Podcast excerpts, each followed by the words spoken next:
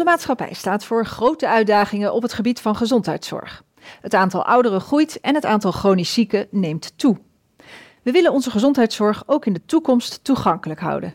Daarom groeit de vraag naar nieuwe medische technologieën. Oost-Nederland is bij uitstek de plek om die innovaties te ontwikkelen.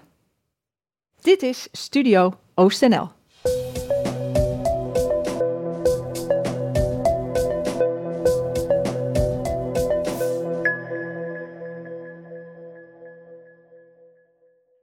Aan tafel zitten nu Maruska Rovers van uh, het TechMed Centrum en Alexander Schippers, teammanager Business Development Health bij OostNL. En Maruska, jij bent tevens hoogleraar aan het uh, Radboud um, Universitair Medisch Centrum. Dat klopt. je doet een heleboel, maar uh, vooral wetenschappelijk directeur dus bij het TechMed Centrum. Wat is dat? Het TechMed Centrum is een uh, innovatiehub van de Universiteit van Twente, waarin wij proberen de binnenwereld, de wat meer technisch georiënteerde mensen te koppelen aan de buitenwereld. Maar ook de buitenwereld, dus die externe partijen, die bedrijven, uh, regionale zorgpartijen, ook te koppelen aan die binnenwereld. Om daarmee echt ja, die zorg beter te maken met elkaar. Dat doen we nou op het gebied van onderwijs, onderzoek en innovatie. Mm -hmm. En daarnaast heeft het TechMed Center ook een hele erg moderne infrastructuur. Uh, variërend van echt preklinische proeftuinen naar een e-health house, naar echt een simulatiecentrum conform een volledig ziekenhuis. En daar werken wij heel veel samen met ook weer die externe partijen, onder andere door uh, met echt Twente Cluster uh, ingebracht, waar die dus echt gebruik maken van de faciliteiten samen met onze onderzoekers, om al heel vroeg te kijken wat is nu de meerwaarde van bepaalde technologie en hoe kunnen we dat het beste naar de zorg brengen. En wat is, wat is dan uniek aan dit centrum? Dat echt medische technologie en, de, en dat cluster, die stakeholders bij elkaar komen. Um, dat is echt die binnenwereld en buitenwereld komt echt in die innovatiehub, in dat TechMed Center echt samen. En is dit dan de oplossing voor alle problemen die er zijn in de zorg? Uh, nee, medische technologie is zeker niet de oplossing. Het is wel een oplossing in de zorg. En daar is ook een prachtig rapport over verschenen. Dus medische technologie gaat echt helpen bij een aantal uitdagingen waar we voor staan. Het tekort aan zorgpersoneel waar we op afstevenen. Uh, is de een van. Technologie kan daar helpen, maar dan moeten we het wel goed inzetten. En we zien nu toch nog best veel een tech-push.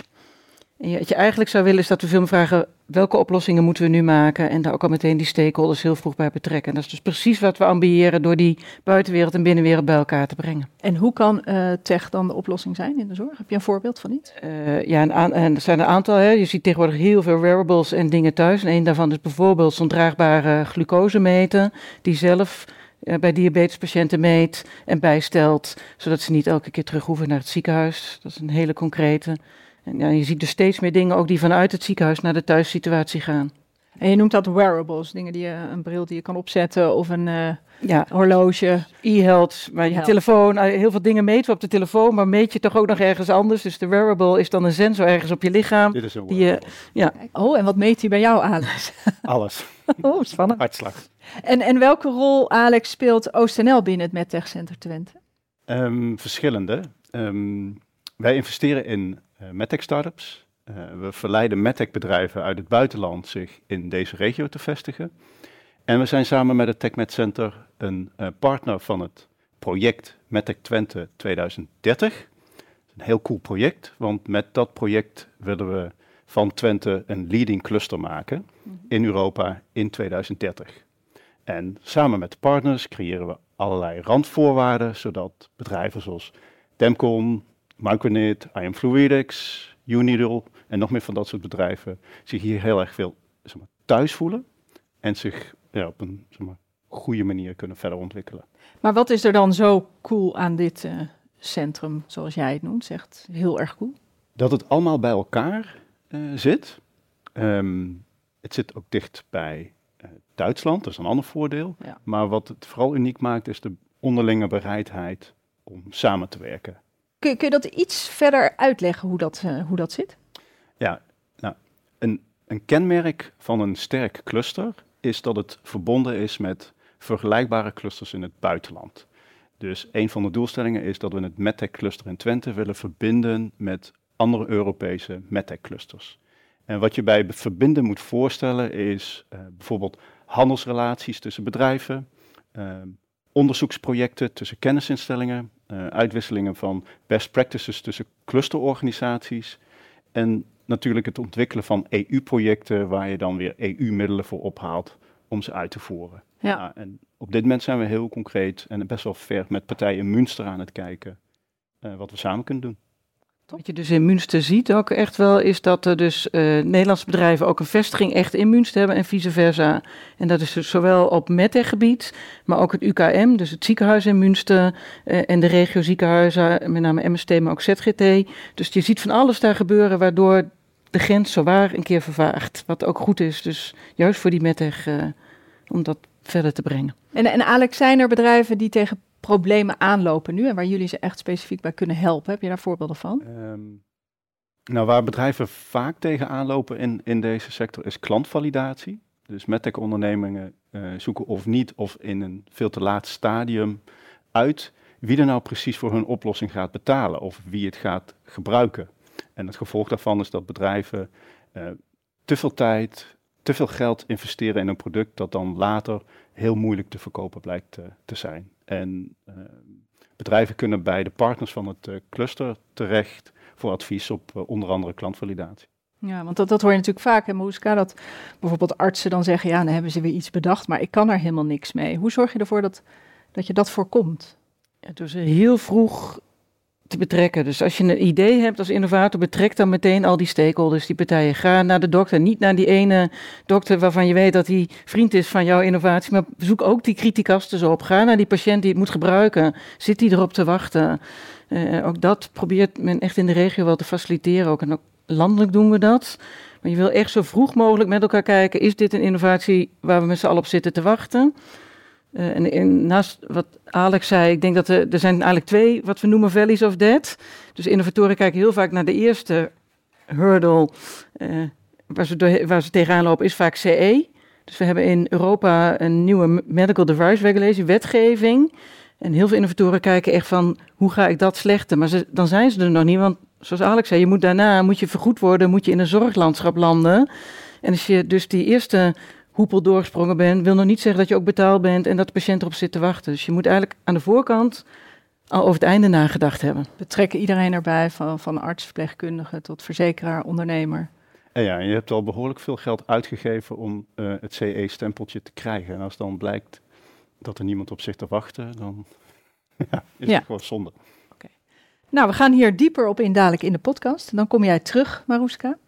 En jou dank ik hartelijk, Alex, dat je hier in Studio OostNL aanwezig wilde zijn. Ja, Dankjewel. dankjewel. Van harte welkom hier aan tafel. Professor Paul Verschuren en Suzanne van Bokstel van OostNL. Met jullie praat ik door over het thema met tech. En Paul, jij bent ook als hoogleraar verbonden aan het Donders Instituut Brein, cognitie en gedrag is dat.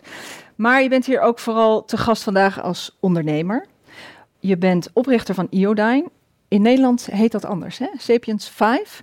Wat doen jullie met dat bedrijf? Nou, kijk, als onderzoeker wilden wij heel graag hersentheorie naar de kliniek brengen. Met het idee van, goh, als we beweren dat we weten hoe de hersenen werken, dan zou je het ook moeten kunnen repareren.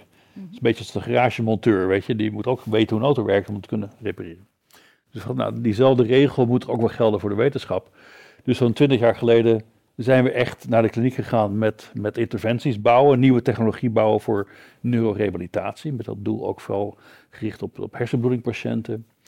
Um, en dat bleek eigenlijk heel succesvol te zijn. En dan beginnen klinieken en patiënten ook te vragen van, hé, hey, maar ik wil dat graag verder gaan gebruiken. En dan moet je gaan kijken, ja, hoe ga je dat aanpakken? Ga ik nu mijn, mijn studenten patiënten laten ondersteunen? Dat gaat natuurlijk niet. Dus dan moet je een stap gaan maken naar een commercieel kanaal die dat kan ondersteunen. En dat werd in Spanje dan Iodine. En nu in Nederland Sapiens 5. Dus voor mij is het, het opzetten van een bedrijf en het runnen van een bedrijf echt een deel van een grotere pipeline om basiswetenschap echt naar de maatschappij te brengen. Ze zijn gewoon uh, echt heel nauw aan elkaar verbonden. Dus niet zo van we gaan de markt op om wat geld te verdienen voor onze investeerders. Nee, we gaan, we gaan de markt op omdat we wetenschap naar de maatschappij willen brengen. Maar om het iets concreter te maken, stel ik krijg een ongeluk en, en mijn arm doet het niet meer. Hoe ging dat dan vroeger en hoe gaat het nu? Nou, kijk, wat, je, wat jou zou gebeuren in, in dat geval, is je gaat natuurlijk naar een rehabilitatiekliniek.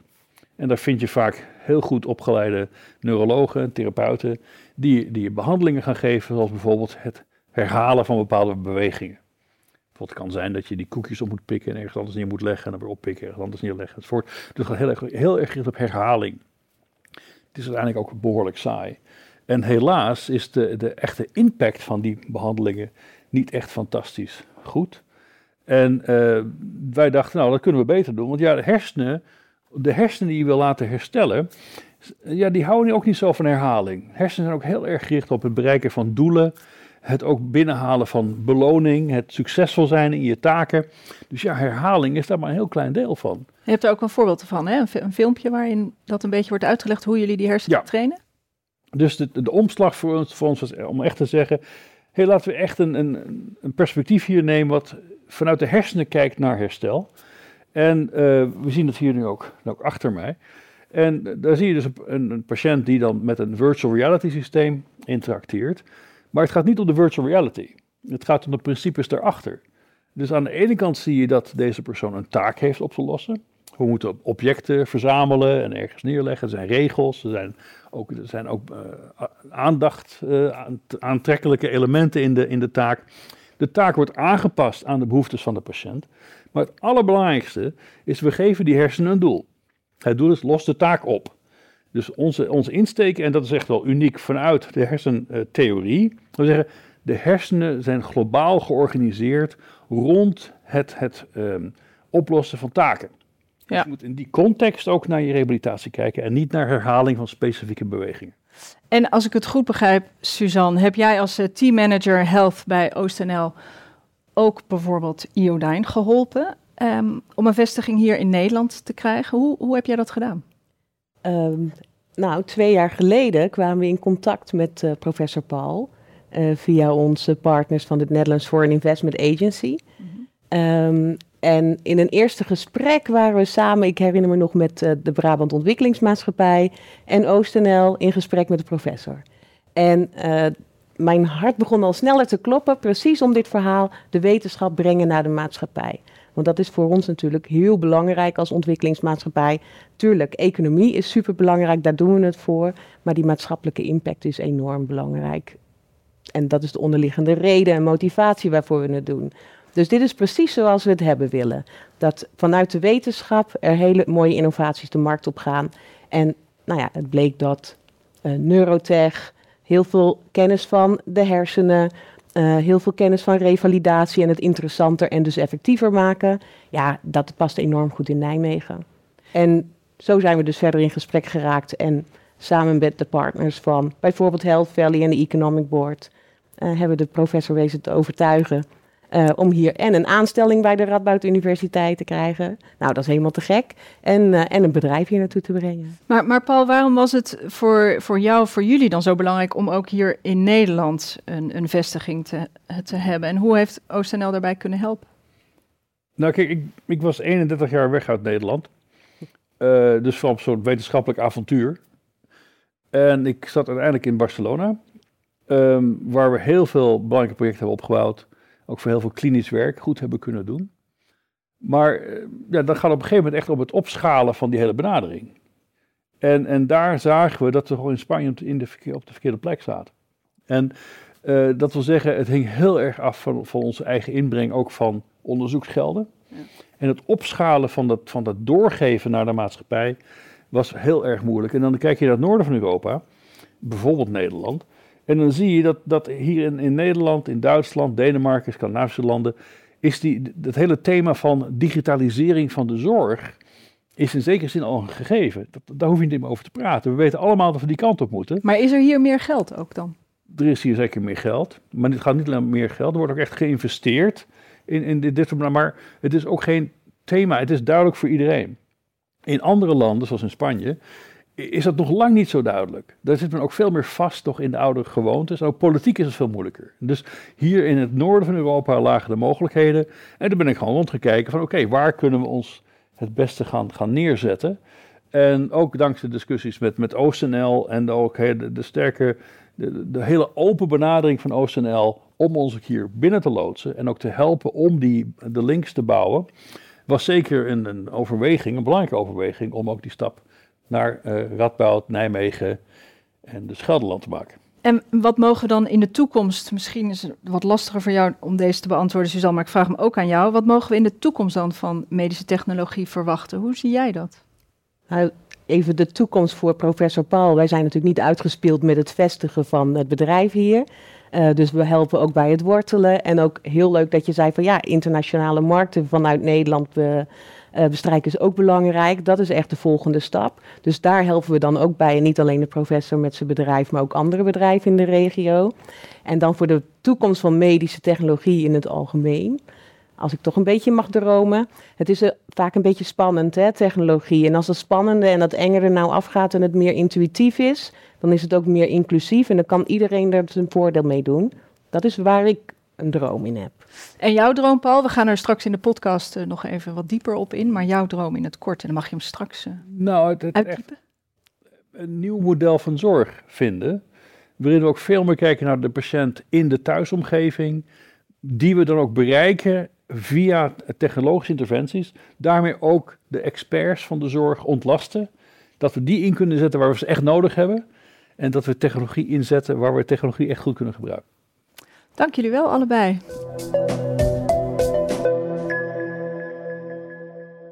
We praten verder met, met Paul en Maruska. Maruska, jij werkt in Nijmegen en in Twente. Paul, jij werkt in Nijmegen. Hoe zit dat met die internationale verbindingen en hoe werken Twente en Nijmegen samen? Misschien kun jij daar als eerste iets over zeggen, Maroeska. Nou, we zitten natuurlijk allebei in Oost-Nederland en er zijn inmiddels een aantal mensen, zowel van de Radboud Universiteit als van het Radboud UMC, die een dubbel aanstelling hebben. Dus echt om die technologiekant wat meer bij die medische kant, uh, om dat meer gecombineerd te krijgen en in de lijn.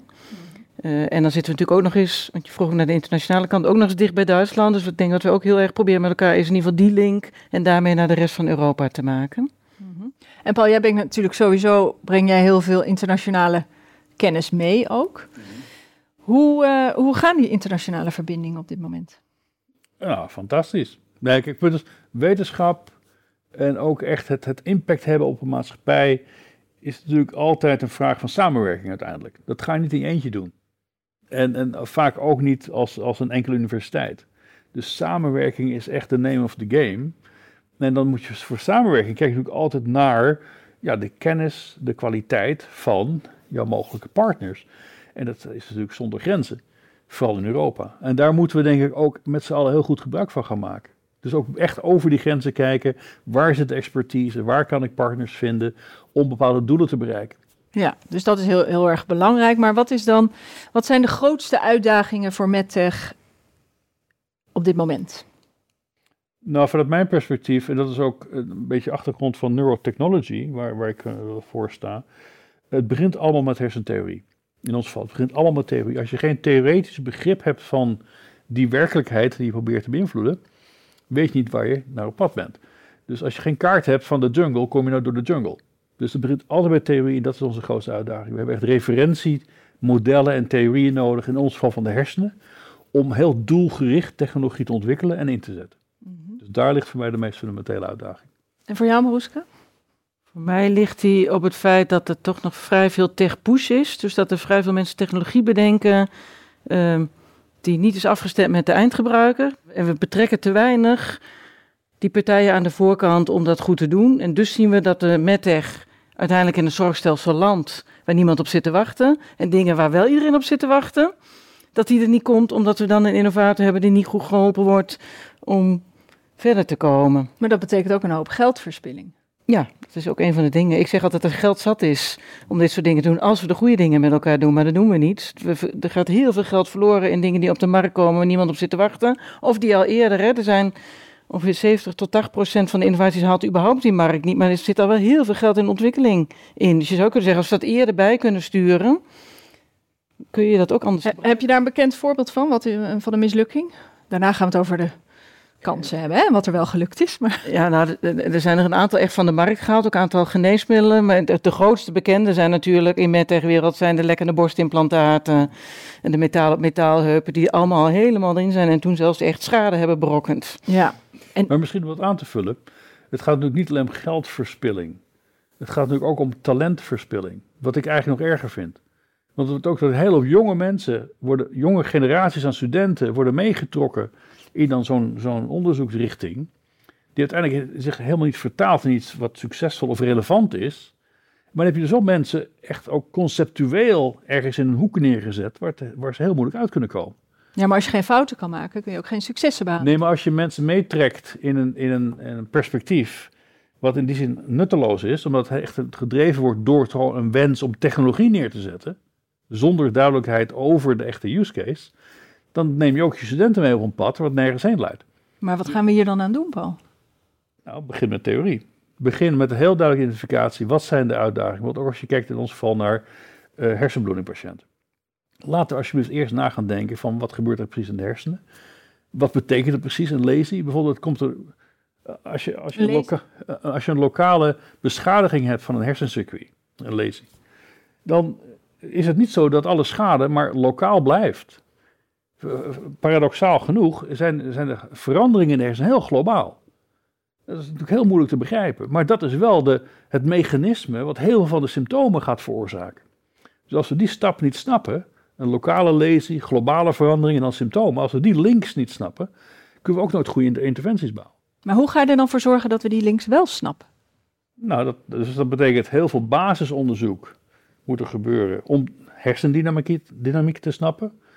Eh, dat vertalen naar theoriemodellen. En dat nu dan weer gaan, eh, gaan vertalen naar interventies die je ook klinisch gaat toetsen.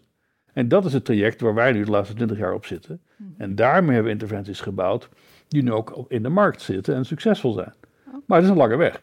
Ja, Maar het gaat echt van first principles. Maar voor mij begint het bij die theorie, hè, dus helemaal mee eens, dus heel goed uitgedacht. Eh, maar dan moet je wel ook meteen nadenken, je moet straks ergens in die zorg of bij die burger thuis landen. Dus waar moet je allemaal naartoe? Wie moet je allemaal nemen? Iemand moet het gaan betalen. Wie gaat het gebruiken? Hoe gaan we het gebruiken? En ook dat doen we vaak niet. Als we alleen maar de theorie doen, vergeten we ook de rest. We moeten wel ook al die stakeholders meenemen om na te denken van... oké, wie moet dit eigenlijk betalen? Wie moet ik overtuigen? Welke studies moet ik dan doen? en dan heb je het over zorgverzekeraars, artsen. Ja, bijvoorbeeld. Maar we kijken heel vaak bij medische technologie naar die zorgverzekeraar, omdat we denken dat het moet betalen. Maar het zit heel vaak, komt iets in een bestaand diagnostisch behandeltraject. En is het heel vaak een ziekenhuis die iets aan moet schaffen. Eh, terwijl we allemaal naar de zorgverzekeraar kijken, om er maar eens één te noemen. Dus ook daar, daar moet je eigenlijk in het begin al over nadenken om dat hele traject goed te doen. Anders doe je tien klinische studies, terwijl het misschien ook met één had gekund. Als we het dan over kapitaalverspilling hebben, is dit er ook een. eh. Nou, maar, maar Maroeska, het is ook zo dat je, als je door die technical readiness levels gaat, van basisonderzoek naar product in de markt, en je hebt natuurlijk een aantal stappen tussendoor, elke uitdaging in die niveaus heeft natuurlijk weer een andere context. En dat, dat vergeten we vaak, wat, wat Maroeska echt eh, aan- aanwijst. En als wetenschapper ben je er vaak helemaal niet goed op voorbereid. Want je zit heel vaak in die wetenschappelijke hoek. Van, oh nou, data verzamelen, we bewijzen dat het allemaal werkt. Ja, nou goed, dan is het gedaan, toch? is toch duidelijk voor iedereen? En dat blijkt dan niet zo te zijn. Dus dat ook die, die hele, dat aantal stappen in die ketting waar je doorheen moet, wordt op dit moment niet goed aan elkaar verbonden. En dat is echt wel een groot probleem wat we moeten zien te overkomen met z'n allen. Dus ook dat we mensen gaan trainen om meer integratief na te denken over die verschillende elementen van hoe medtech van basisonderzoek echt bij een patiënt terecht kan komen. Daar zijn we nu haast niet op voorbereid. Ja, en, en je bent behalve hoogleraar ook ondernemer.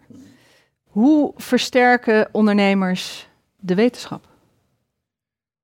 Nou, kijk, het is interessant dat eh, het traditionele beeld is, eh, dat heet Pasteur's Quadrant van Stokes de negentiger jaar. Dat was zoiets van, ja oké, je hebt een soort deel van onderzoek, allemaal basisonderzoek. En het kan helemaal niet schelen wat het betekent in de echte wereld. En dan heb je een ander extreem element van, van onderzoek, heel praktisch onderzoek. Edison, weet je, bouwt een grammofoon of een telefoon of zo.